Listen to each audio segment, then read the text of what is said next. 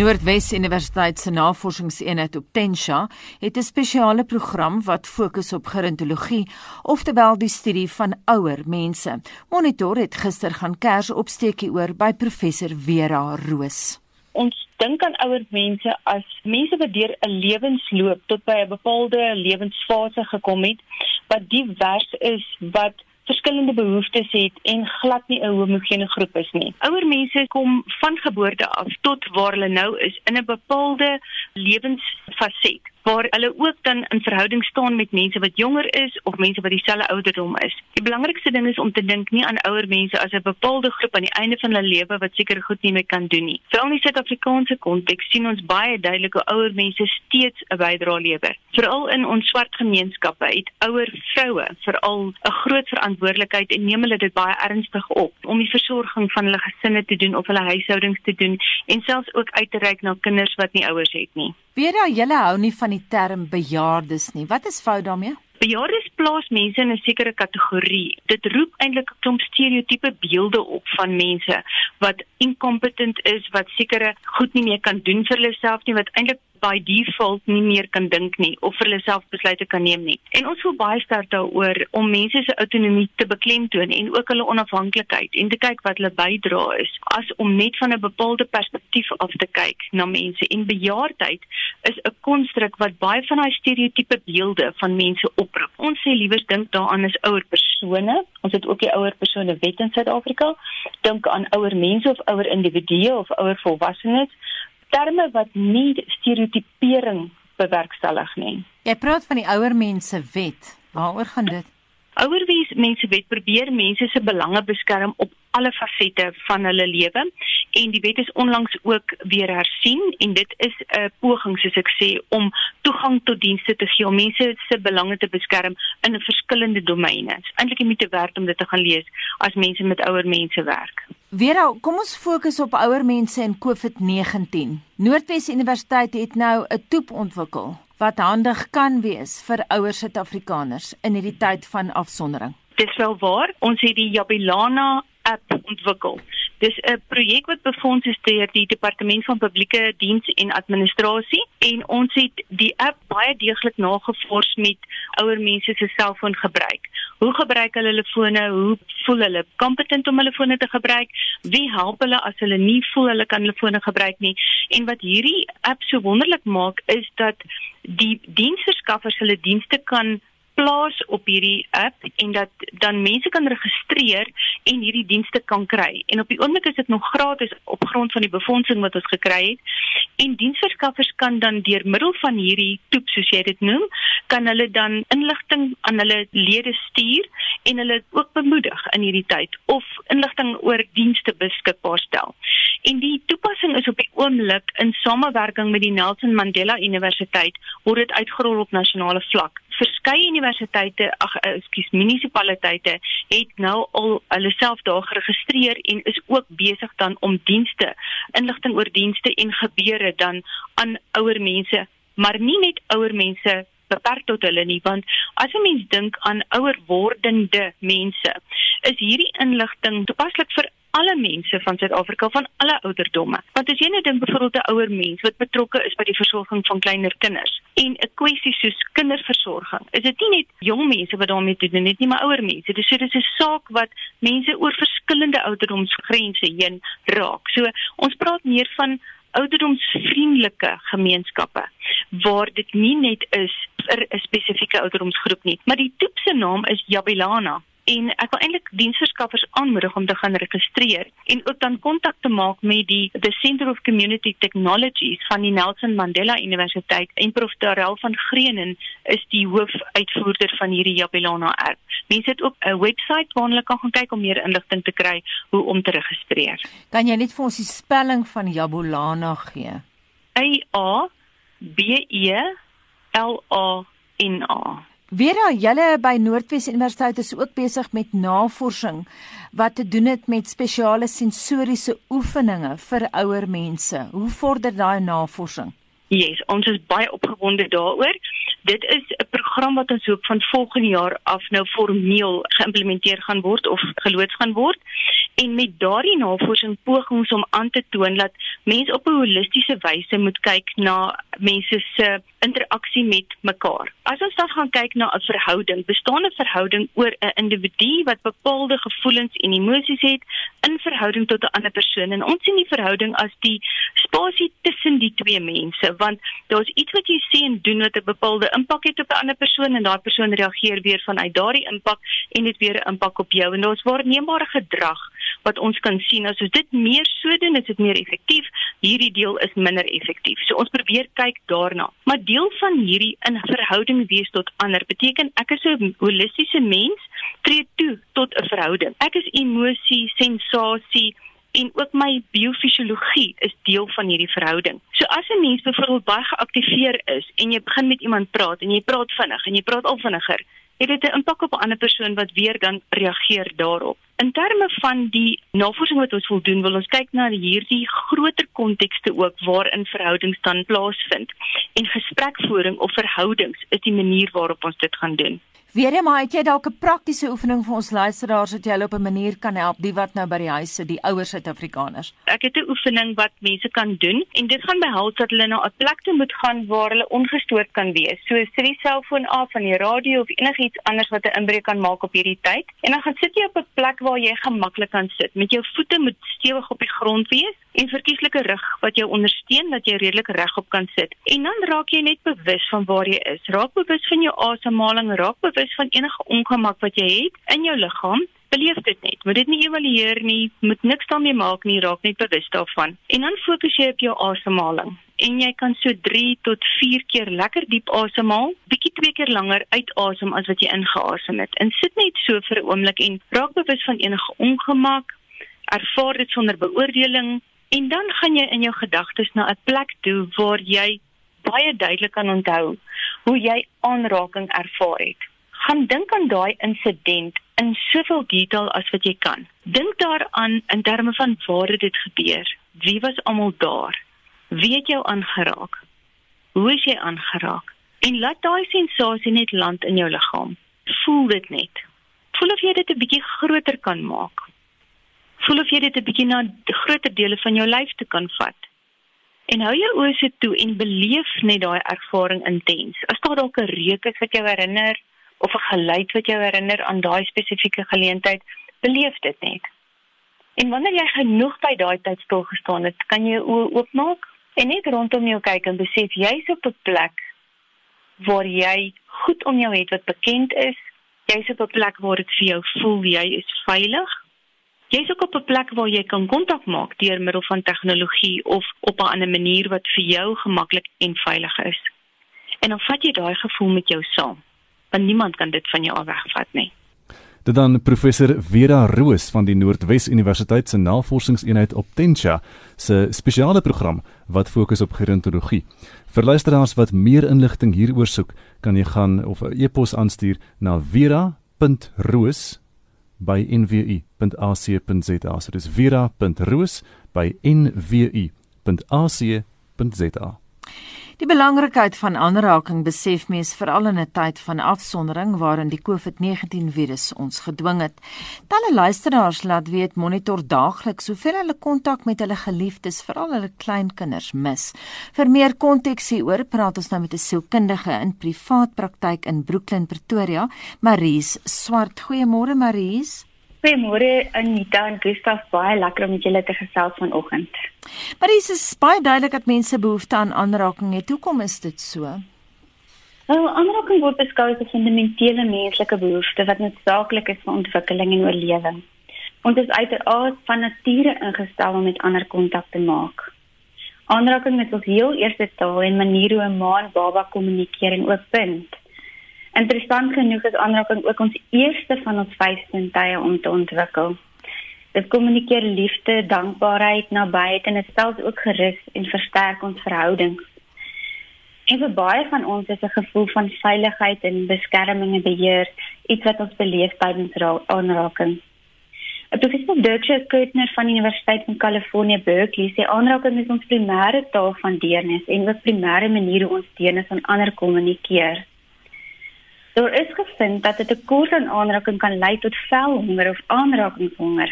Dit is 'n smagting na menslike aanraking wat ontwikkel wanneer ons nie genoeg van 'n fisiese kontak ontvang nie. So dan sien ons weer hoe belangrik die aanraking is. So Maries, is daar 'n navorsing dan wat die belangrikheid van aanraking kan staaf? Ja, Gustaf, daar is reeds in 1940 in die werk van psigoanalis Renée Spitz aandag gerig op die belangrikheid van aanraking.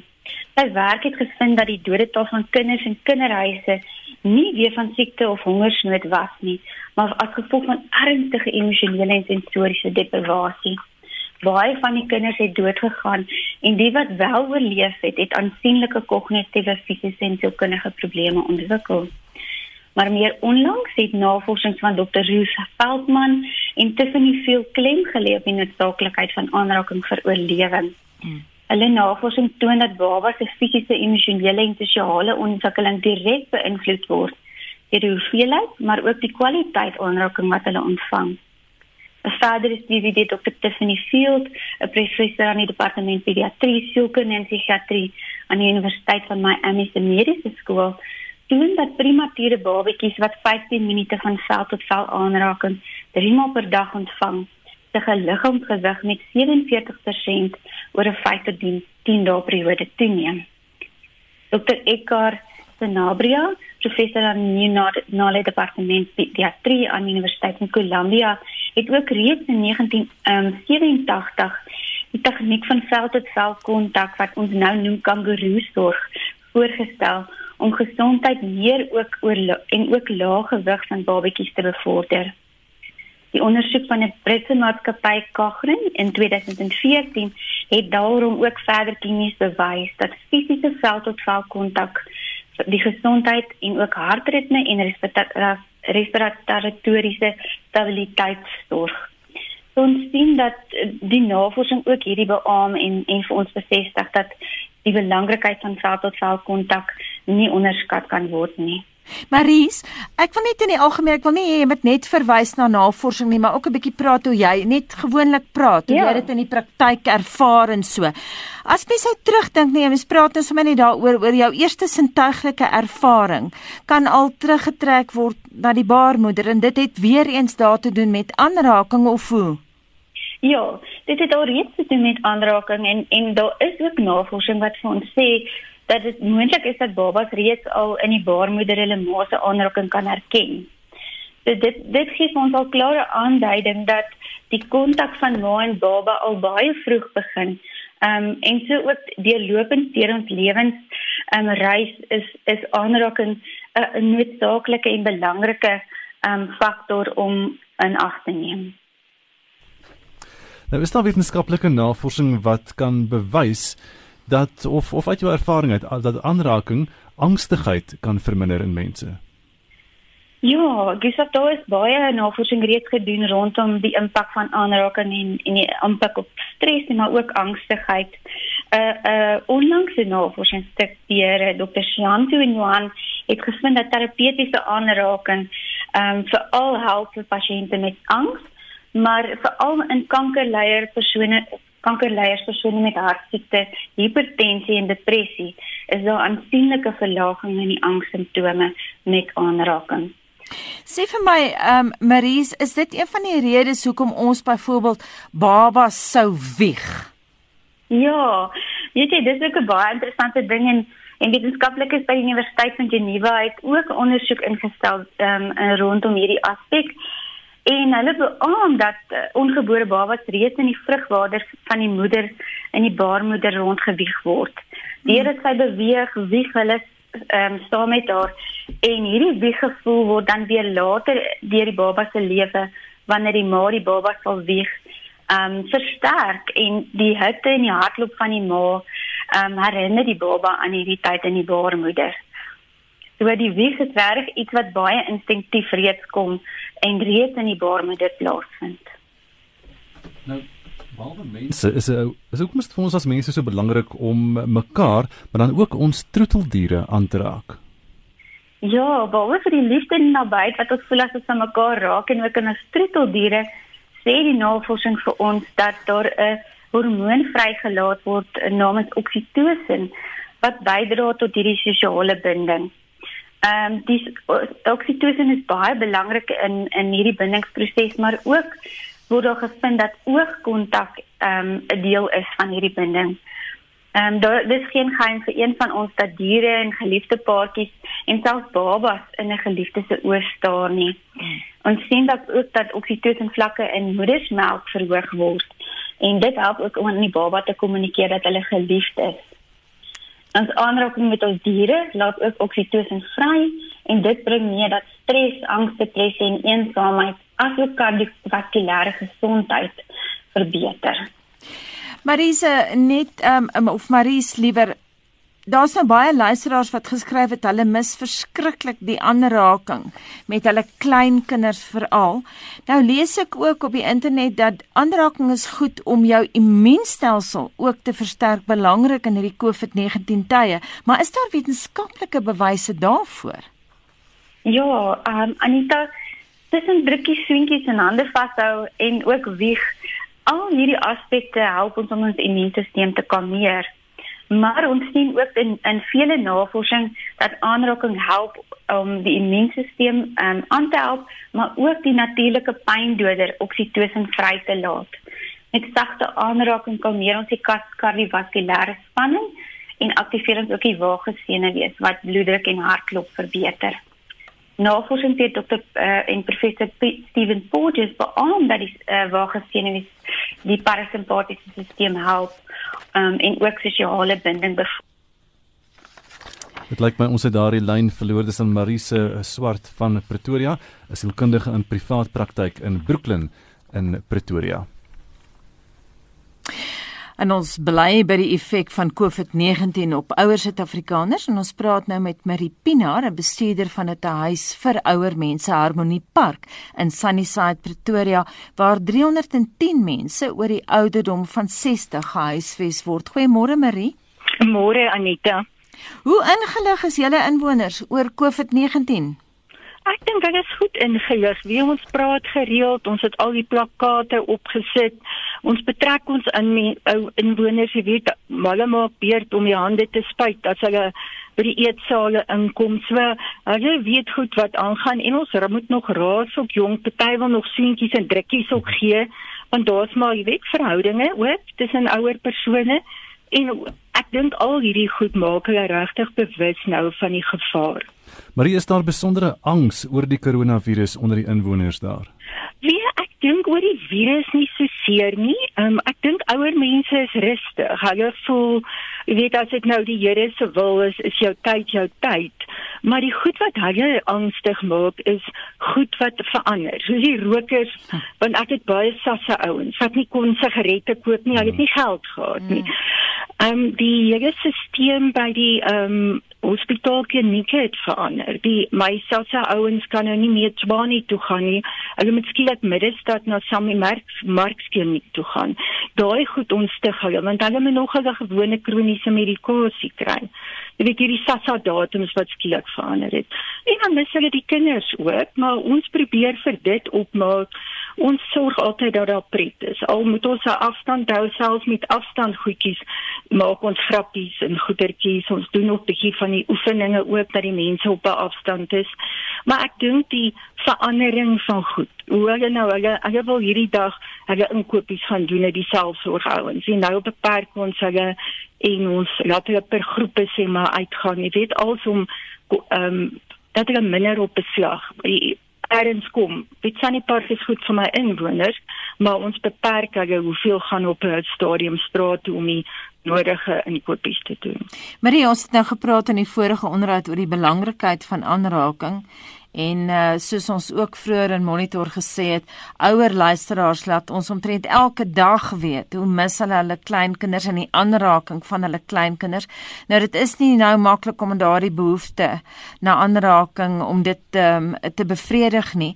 Jy sê nou jy eh, speel nou speletjies en so aan en jy mm. hou maar net julle afstand, maar dit is tog 'n onnatuurlike manier van omgang met ouer mense. Mense is geneig om hulle drukkies te gee. Ja, ek ek en my maatskaplike werker veral moes nogal 'n groot aanpassing maak want ons was geneig om weet as iemand hartseer is 'n drukkie te gaan gee. Ons het die top dogs honde eenmal 'n maandjie gehad en dit was nogal ook vir die inwoners lekker daai drukkies gee. So ek dink um, om oogkontak wat die dame van gepraat het te maak met die mense speel nog 'n rol en ek dink dat ek voel jy gee om. Weet ek gaan neem foto's van die inwoners en stuur vir die kinders of as die kinders iets op Facebook plaas en ek vra dan gaan wys ek die jy weet wat gaan aan. Ek het kinders wie se families oor see is, dan stuur die families en ek gaan wys en ek neem weer foto's en stuur terug. So ek dink is nogal belangrik om daai te voel, jy weet, die familie is nog daar. Marie, dra die mense, die ou mense maskers daar by julle? Ons as 'n um, as iemand sekerig is dra ons want jy weet maar maskers is skaar is en mense kan dit verkeerd gebruik ehm um, die ehm um, my selfsorg ouens as hulle straat toe gaan om maar een keer 'n week inkopies te doen. Ons laat hulle dra. Andersins nie, tensy iemand hoes of iets van die aard, ek wil my versorgingsafdeling laat ons die personeel dra. Ons praat vanoggend met Marie Pinaar, sy is 'n bestuurder van 'n huis vir ouer Suid-Afrikaners, Harmony Park in Sunnyside, Pretoria. Marie, hoe lyk julle geld sake? Is daar nou minder skenkers met COVID-19? Ja, ons was nogal hier gister begin bekommerd raak en ons my een tuiste vir die SASSA mense gee ons kos met donasies en dit het nogal afgeneem. Maar gister het ons so 'n paar oproepe gemaak en skielik gistermiddag het ons milies gekry. So kos donasies en dan het ons maar mense wat nou ook vir betaal uitstel vra. En jy weet by ons tipe van ouer huis vir mense met beperkte inkomste, um, is elke bedrag wat moet inkom nogal 'n wette kritieke bedrag. So dit maak mens maar bietjie jitterig, maar aan die ander kant as ons praat dan weet net as ons begin regtig bekommerd raak, skielik dan bel mense. Iemand bring vandag vir ons sanitizer vir al die inwoners. So hmm. ek dink mense gee om in die tyd. Marie, jy verwys nou na die mense wat afhanklik is van die SASSA betalings elke maand. Uh, Presies, hoe word hulle dan nou in hierdie tye geraak?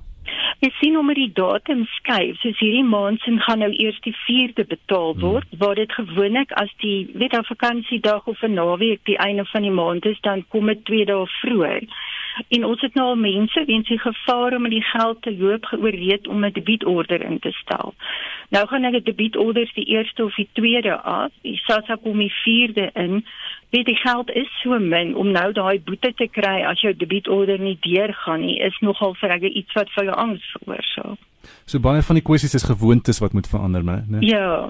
Hmm. Ek dink dit en dit is nie altyd wil banke is nie nou toeganklik nie. Weet jy, sekere van die banke is beperkte tye oop of net sekere ek weet sekere banke wissel watter takke oop is en dit is dan nie toeganklik vir my inwoners nie. Marie, ek wil net hê jy moet herhaal wat jy aan die begin gesê het want daar's altyd mense wat laat inskakel. Dis interessant dat jy gesê het ouer Suid-Afrikaners is nogal heel filosofies oor COVID-19. Hulle is nie noodwendig so angstig nie. Hulle praat van dis die Here se wil. Ja, ek dink dis regtig wat ons het gedink hulle gaan meer angstig wees. En hulle dink ek is rustiger daaroor en sê dit die Here stap 'n pad en as dit nou jou tyd is, is jou tyd. Ek dink ek nie hy is um onverskillig of agterloosig nie, maar ek dink hy is baie meer rustig daaroor. Baie dankie en so sê Marie Pinaar, bestuurder van 'n huis vir ouer Suid-Afrikaners Harmony Park in Sunnyside, Pretoria.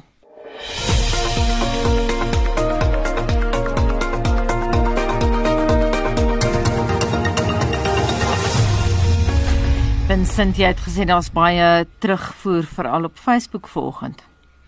Daar's verskriklik baie terugvoer op Facebook Anita, maar kom ons hoor eers wat sê ons luisteraars met deur hulle stemnotas. Ek wil maar net sê dat vroue ry 'n bietjie beter as alle mans en mans ry baie swak en ek het baie gesien op die pad hoe hy die man se man se baie swak.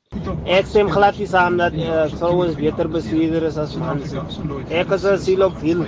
En meeste van die gevalle, okay, jy gaan sommige kere gaan dit van die mans wees, maar meeste gevalle, waar jy by die by die vier rigting stop hier robot, as jy waar die trokke mos nou, daar waar hy daai sperstreep is wat vir jou wys jy mag nie op die streep staan nie want die, die trokke moet daar so dry. Hulle moet daar dry hulle moet hulle dry daar vat.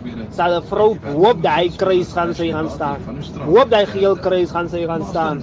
Dan moet jy nou wag vir haar om met die pad te ry wat is uh, trok wat 'n lang trok ry Uh, sê Anita en dan sê Dani Maree van Pretoria, vrouens kan miskien beter bestuurders wees as mans, maar wanneer een van hulle eers agter die stuurwiel van die fortuin is, dan begin dit skielik anders lyk en moet mens bond staan om uit hulle pad te bly. Hier's 'n SMS wat sê môre julle, na my mening is vroue meer verdedigende en mans meer aanvallende bestuurders. Miskien maar net 'n verskil in testosteron en nie 'n kwessie van wie beter is nie. Uh, sê Elka. Ehm um, Franklin Fisher sê baie minder dronk bestuurders want kinders is in motor en Grain Piet Pearson sê die eerste probleem is dat bestuursopleiding op 'n bitter lae standaard is. Dit wys die sterfte syfers tog duidelik. Hier's 'n SMS wat ingekom het wat sê wat wat wel waar is is dat vrouens as 'n reël geduldiger is as mans. Die reël sluit die persentasie vroue uit wat nie bak soos hulle maas nie, maar kan baklei soos hulle paas. Ehm um, Cindy Kotte sê as 'n mens mooi hieroor nadink, is mans eintlik baie beter bestuurders as vrouens. Hoekom sê ek so? Hulle het baie meer kontrole oor die stuurwiel en kan dit baie beter aan beheer. Is net dat hulle baie ongeduldig is. Wag is nie in hul woordeskat nie, net my mening laat weet Cindy Kotte. Nou net ons wil by luisteraars vanoggend hoor na die, die onderhoud wat julle gevoer het dat vrouens veiliger bestuurder bestuurder is as mans en uh, ons wil weet by ons luisteraars wat is hulle ervaring? Is vrouens beter bestuurders as mans? En op grond van wat sê hulle dit? Hulle kan 'n SMS na 4588910 stuur of gesels saam op facebook.com vorentoe skynstreep ZARSG en hulle het die laaste kans om 'n stemnota te stuur. Onthou met net 30 sekondes te hou en daai nommer is 076 536 6961. Ja, jy het nog so 22 minute tyd om dit te doen. Jy luister na Monitor op RSG. En die voorspoed diamantmyn buite Kroonstad in die Vrystaat het wel al in Desember 2018 ophou produseer, maar 60 werkers is steeds betrokke by die rehabilitasieproses wat tot 2030 kan duur. Dit beteken dat die moontlike verspreiding van COVID-19 op die myn ook bestuur moet word. PJ Jordan is die bestuurder by Voorspoed en hy is verantwoordelik vir die rehabilitasie en die uiteindelike sluiting van die myn. Die koronavirus het die Vrystaat in besonder getref weens die verspreiding van COVID-19 na 'n kerkbyeenkoms in Bloemfontein. So byvoorbeeld is daar twee positiewe koronavirusgevalle in die Kroonstad omgewing aangemeld. Monitor het binne die konteks met PJ Jordan gepraat. Dis heeltemal korrek. Ons is bevoorreg en geseënd in daai verband dat ons geen gevalle het in voorspoed op hierdie stadium nie. Ons poog om dit so lank as moontlik so te hou. Sê vir my PJ, hoeveel toetsing doen julle by oomblik by die myn? Op hierdie stadium Anita doen ons nog nie toetse op die myn self nie. Ons doen as dit nodig is, dan gaan mense nog steeds na ons maatskappy dokter toe vir toetse en soos hy verwys, maar ons doen nog geen toetse op die myn nie. Die plan is wel om ons het toetsstelsels te gekry om die toetse op die myn en selfs in Kroonstad self te kan doen terwyl ons inperking het, maar ons het nog nie die toestelle gekry om die toetse te doen nie. Hoe bestuur julle die COVID-19 virus vir die algemeen? Ons het ehm, 'n um, baie formele uh, manier ons dit hanteer en dit word basies beheer en gereguleer deur van Anglo skant af. Die beurs voorspoed myn is deel van Anglo en Anglo het 'n COVID-19 se risiko beheerstrategie mm -hmm. wat hulle dan op die hele op al die operasies dan afdoen basies en saam met dit dan ook 'n COVID-19 risikobestuursproses of gids wat ons dan gebruik. So dis nie 'n geval van elke operasie doen hoe hy wil of dink dalk wat hy moet doen nie. So ons doen almal die regte ding op die regte plek op die regte tyd. Ek dink dit is belangrik dat soos ons meer oor die COVID-19 virus leer en veral die gevalle oor die res van die wêreld, pas ons natuurlik ook aan hierdie gids gidslyne wat ons het en hoe ons hierdie virus beheer en aanpak op die operasies. Ons het 'n baie baie duidelike gids wat ons kry van Anglo American Reserve af. En is julle werkers ten volle ingelig oor byvoorbeeld simptome? Definitief. Anita, dit is vir ons verskriklik belangrik. Ek dink bewusmaking is waarskynlik die belangrikste element in die hele geveg teen hierdie COVID-19 virus. En ons werkers eerstens is ten volle bewus van die COVID-19 die virus, waar dit vandaan kom, die simptome veral en wat om te doen wanneer jy wel dink jy het die simptome. Maar ek dink dis net die een kant daarvan. Dit is ook so belangrik dat die gemeenskappe waar ons werk, werknemers bly dat hulle ook bewus is daarvan. Ons is beslis bewus van dit en um, hulle kan die COVID-19 self bestuur daar waar hulle is op hierdie stadium. Hoe sou jy die moreel van die mynwerkers beskryf? Ek dink onder omstandighede is die moreel nog steeds baie goed. Soos alle operasies, alle myne is ons ook beïnvloed deur die inperking en ons werknemers meestal is die wat nie essensiële werkers nie is by die huis.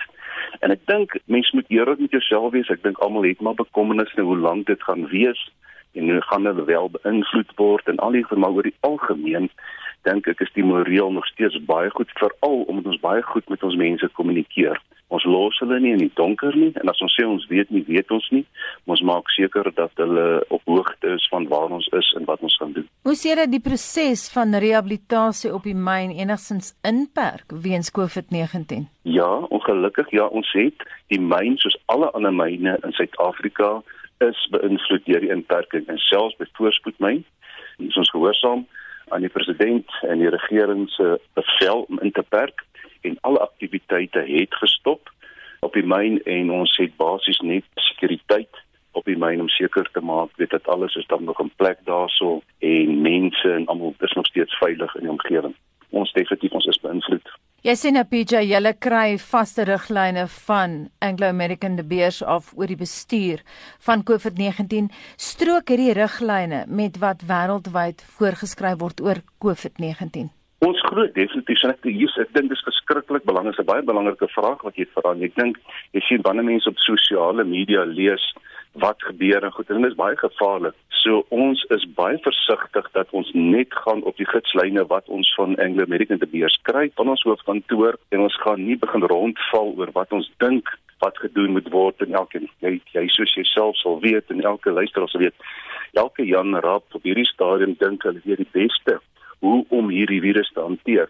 So dis ons verskriklik belangrik as 'n maatskappy dat ons bly by die regulasies en die riglyne wat ons in plek het op hierdie stadium. En soos bewerk ons sê, yes, dit is 'n lyn met wat gebeur. PJ net laasens, hoe vorder die rehabilitasieproses oor die algemeen? Oor die algemeen aan die taak vorder die rehabilitasieproses uh, op voorspoedmyn baie baie goed. En die groot rede is ons het al begin met rehabilitasie terwyl ons nog in produksie was. En dit is so ver terug as 2014. Ons het toe al begin met rehabilitasie waar ons heidaglik is net voor die inperking. Ons is deel nou met die formele aansoek vir ons sluitingsplan wat ons het wat ons moet dan aan die um, regering voorlê hulle om te aanvaar en dit is 'n formele proses wat elke maatskappy moet deurgaan wanneer hulle 'n myn wil rehabiliteer en sluit. Ons is heidaglik besig met daai proses en hopelik sal ons hoe gou moontlik die inperking proses ons gaan toelaat dan ons dan uitsluitsel kry en dit en kan voortgaan met die rehabilitasie van die myn. Die plan is om dan klaar te maak met die rehabilitasie en die moniteringsprogram in 2030. PJ Jordan is PJ Jordan is die bestuurder van die Voorspoed Diamantmyn en hy is verantwoordelik vir die rehabilitasie en uiteindelike sluiting van die myn wat net buite Kroonstad in die Vrystaat geleë is. Dis nou kwart voor 8 en soos gewoonlik hierdie tyd kyk ons na internasionale nuusgebeure. Die Amerikaanse president Donald Trump sê die FSA gaan sy befondsing aan die Wêreldgesondheidsorganisasie tydelik onttrek. Hy sê die WHO hanteer die uitbreking uiters swak en beskuldig die liggaam daarvan dat inligting oor die verspreiding van die koronavirus, oftewel COVID-19, toegesmeer word. Marlenae Forshey die en ander internasionale nuusgebeure dop. Marlenae, goeiemôre. Wat is die jongste van die Withuis? Goeiemôre Anita. Nou Trump het die aankondiging gemaak tydens 'n media konferensie. American taxpayers provide between 400 million and 500 million dollars per year to the WHO. In contrast, China contributes roughly 40 million dollars a year and even less. As the organization's leading sponsor, the United States has a duty to insist on full accountability. One of the most dangerous and costly decisions from the WHO was its disastrous decision to oppose travel restrictions from China and other nations. The WHO failed in this basic duty and must be held accountable. It's time after all of these decades. Dit nadat hy so op 'n joernalis se kritiek gereageer het tydens 'n ander konferensie. The argument is that you bought yourself some time you didn't use it to prepare hospitals, you didn't use it to ramp up testing. Right you're now, so, you're so, you're so disgraceful. It's so disgraceful the way you say that. Let, let me just listen. I just went over it. I just went over it. In an unprecedented crisis. Nobody thought we should do it. And when I did it. But what did you do with the time that you bought? You know the we month did? of February. That, you that know we did? gap. What do you do? Month of February. What do you do when you have no case in the whole United States? You had cases when you, you excuse me, you reported it. Zero cases, zero deaths on January 17th. January. February, the entire January. I said in February. Your video January. has a complete gap. On January 30th. What did your administration do in February with the time that your travel ban bought A lot. What? A lot. Die se sekretaris-generaal Antonio Guterres sê egter dis nie nou tyd vir kernlande om befondsing aan die WHO te sny nie. Amerika is sover die land wat die ergste getref word deur die virus met meer as 6000 gevalle.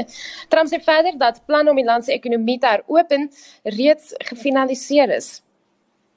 I will be speaking to all 50 governors very shortly, and I will then be authorizing each individual governor of each individual state implement a reopening and a very powerful reopening plan of their state, a time and in a manner most appropriate. En dit was die Amerikaanse president Donald Trump. Dan gaan ons na die internasionale monetaire fonds toe. Hulle waarsku intussen dat die wêreldekonomie vanjaar met minstens 3% gaan krimp. Die instansie sê die afname is die ergste sedert die Groot Depressie van die 30er jare. En die fonds waarsku verder dat niemand hierdie situasie sal ontsnap nie, nie eens lande soos Brittanje, Duitsland, Japan en Amerika wat aanvanklik vir hulle proaktiewe reaksie op die COVID-19 pandemie geloof is nie. Intussen gaan Suid-Korea stembusse toe. Die verkiesing word by COVID-19 fasiliteite gehou. Nou kiesers moet maskers dra en 1 meter uit mekaar uit staan. Daarna word hulle temperatuur gemeet, hulle hande ontsmet en plastiek handskoene uitgedeel en eers dan mag hulle deelneem aan die verkiesing. En dan 'n kort opsomming van wat elders in die wêreld gebeur wat die pandemie betref. In Italië, waar die grendeltydperk nou reeds 6 weke lank duur, word restaurante gedwing om hulle deure te sluit. Dan in Duitsland trek dieretuine swaar aan die verlies van besoekers en die inkomste, soveel so dat dieretuine dit begin oorweeg om diere aan mekaar te voer. Dit is nou indien daar nie binnekort finansiële hulp gegee word nie. En kommer heers in die Stille Oseaan nadat verskeie eilandgemeenskappe deur sikloon Harold getref is. Humanitêre organisasies waarsku dat die koronapandemie reddingspogings drasties kan inperk. En dit dan ons verslaggewer Marlenae Forsie wat vir ons op hoogte gebring het van internasionale nuusgebeure. Die Duisend Vroue Trust in Kaapstad sê daar is 'n toename in voorvalle van gesins- en geslagsgeweld tydens die staat van inperking. Die trust sê vroue wat mishandel word, moet dringend die polisie kontak. Die minister van polisie, Bekkie Cele, het vroeër gesê in die eerste week van inperking is 2320 klagtes van geslagsgeweld landwyd aangemeld. 'n Projekbestuurder van die 1000 Vroue Trust, Caroline Peters, sê dit is moeilik om die werklike syfer te bepaal. Nou met lockdown, vroue kan nie uit die huise nie. Wat ons van weet is die vrouens wat die hotline bel en daar aanmeld en so. Omdat ons onder lockdown is, is dit baie baie moeilik om te sê wat die syfers regtig is, maar ons weet as vroue groepe dat almal van ons kry dit.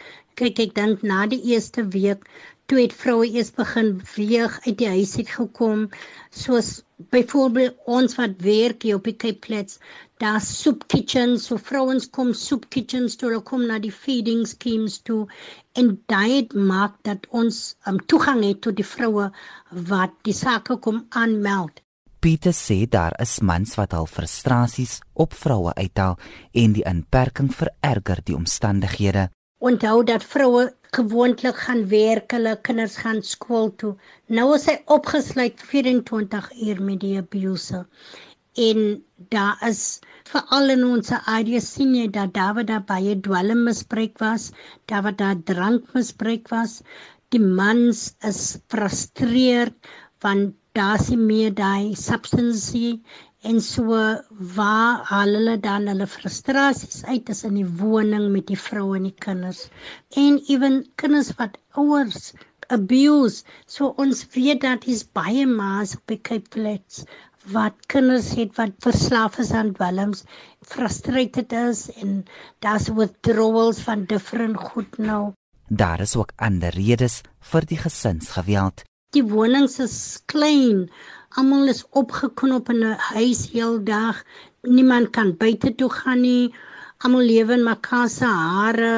Daar's 'n tekort aan kos vir baie mense in die communities of die Cape Flats is kyk baie vrouens cha, baie mans het piecework of 'n dag se werkie op die gebou. So daar is nie meer dit. So ja, daar's klomp redes hoekom dit gebeur. Dwelms gebruik, frustrasie, daar's nie geld in die huisie, daar's nie kos in die huisie. Pieter sê die regering het 'n hulplyn wat mishandelde vroue kan kontak tydens die inperkingstyd. Die nommer van die hotline is 0800 428 428 0800 428 428 Dis die GBV hotline Sy sê daar is ook organisasies in Kaapstad wat kan help.